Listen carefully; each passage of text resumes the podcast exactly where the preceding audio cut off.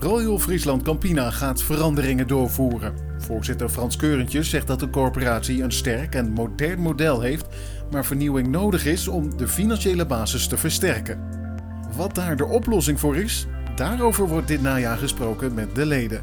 En we gaan het hebben over uh, ja, een aanpassing in het praktijkreglement, aantal versoepelingen, uh, de ledenfinanciering, want dat is eigenlijk het hoofdonderwerp ledenfinanciering van Friesland Campina willen we gaan vernieuwen en daar gaan we het gesprek over aan. Mijn naam is Arie Meijer en dit is de podcast van Nieuwe Oogst met vandaag de ledenfinanciering van Friesland Campina.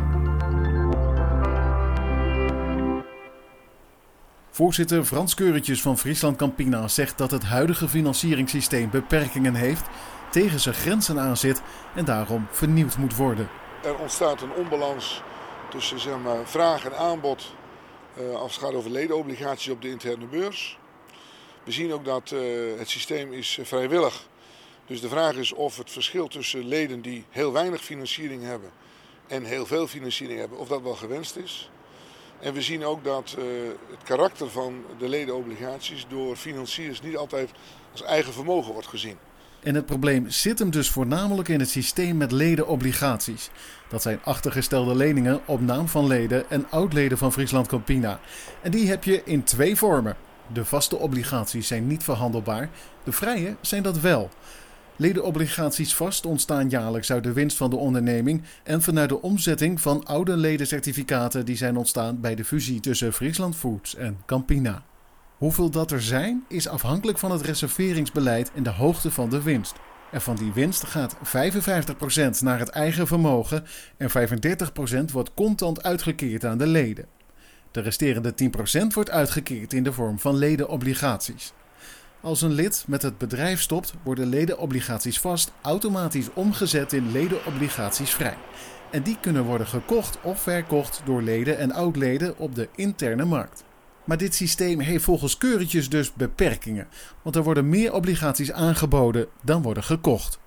Deze verhoudingen lopen zelfs zo scheef dat het concern begin dit jaar zelf ledenobligaties vrij heeft afgelost. Er zijn meerdere oorzaken van die scheefgroei.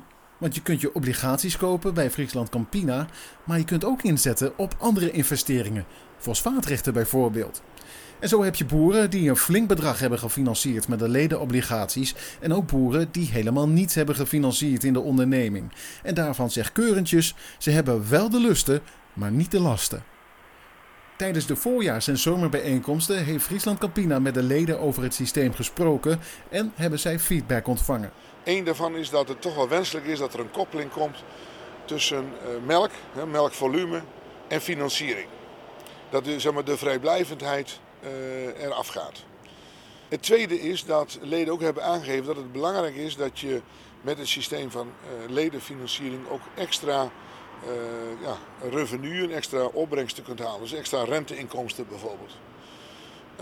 een derde element wat de leden teruggaven is dat de overdracht van ledenfinanciering over generaties tussen bedrijven ook mogelijk moet blijven. Dat is een belangrijke voorwaarde van, uh, van ons, ons systeem. Dat het niet als het ware uh, ja, bij één generatie of bij één bedrijf uh, besloten blijft.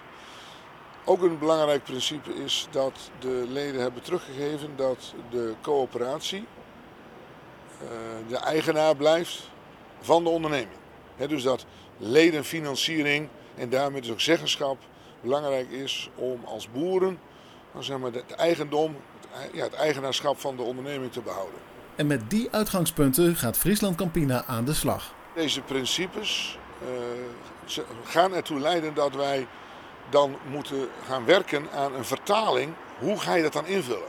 Het is bijvoorbeeld de koppeling van uh, melk, hè, volume en uh, kapitaal. Vraagt dus om een inrichting, een, een systeem.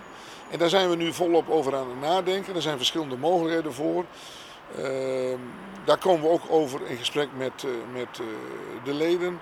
Uh, op op zeg maar de, ja, de ontmoetingen die we komende herfst gaan organiseren. en daarbij is het wel belangrijk dat het ook voor de leden zeg maar een, ja, een, een, een, een ontwikkeling is of een pad is wat past en aansluit bij de mogelijkheden die de bedrijven hebben. Want we weten ook dat heel veel bedrijven op dit moment, ook als het gaat over de financiële positie, de, de, de, ja, de liquiditeit, dat het niet zo rooskleurig is. Dus we moeten dat heel gepast doen.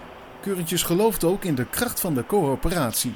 Ik ben daarvan overtuigd. Coöperatie is uiteindelijk een samenwerkingsverband van, van ondernemers, van boeren die met elkaar iets willen. Uh, en ook bereid zijn om daar de schouders onder te zetten.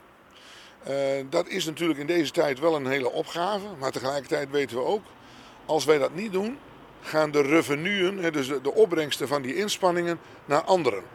En het is juist voor bedoeld dat naast de garantie van melkverwerking, melkophaling, ook die extra inkomsten bij ons als boeren op het erf komen. Dat is de opdracht, dat blijft zo. En dat zal in de toekomst ook zo moeten blijven. Maar dat vraagt dus wel dat als de tijden veranderen, om daarop in te spelen. En daar zoeken we de best mogelijke manieren voor. Een beursgang gaat sowieso niet gebeuren. Er waren maar heel beperkt aantal leden die dat uh, riepen. Maar de overgrote meerderheid, en dat sluit ik aan bij de opvatting van het bestuur, is dat de beursgang niet aan de orde is.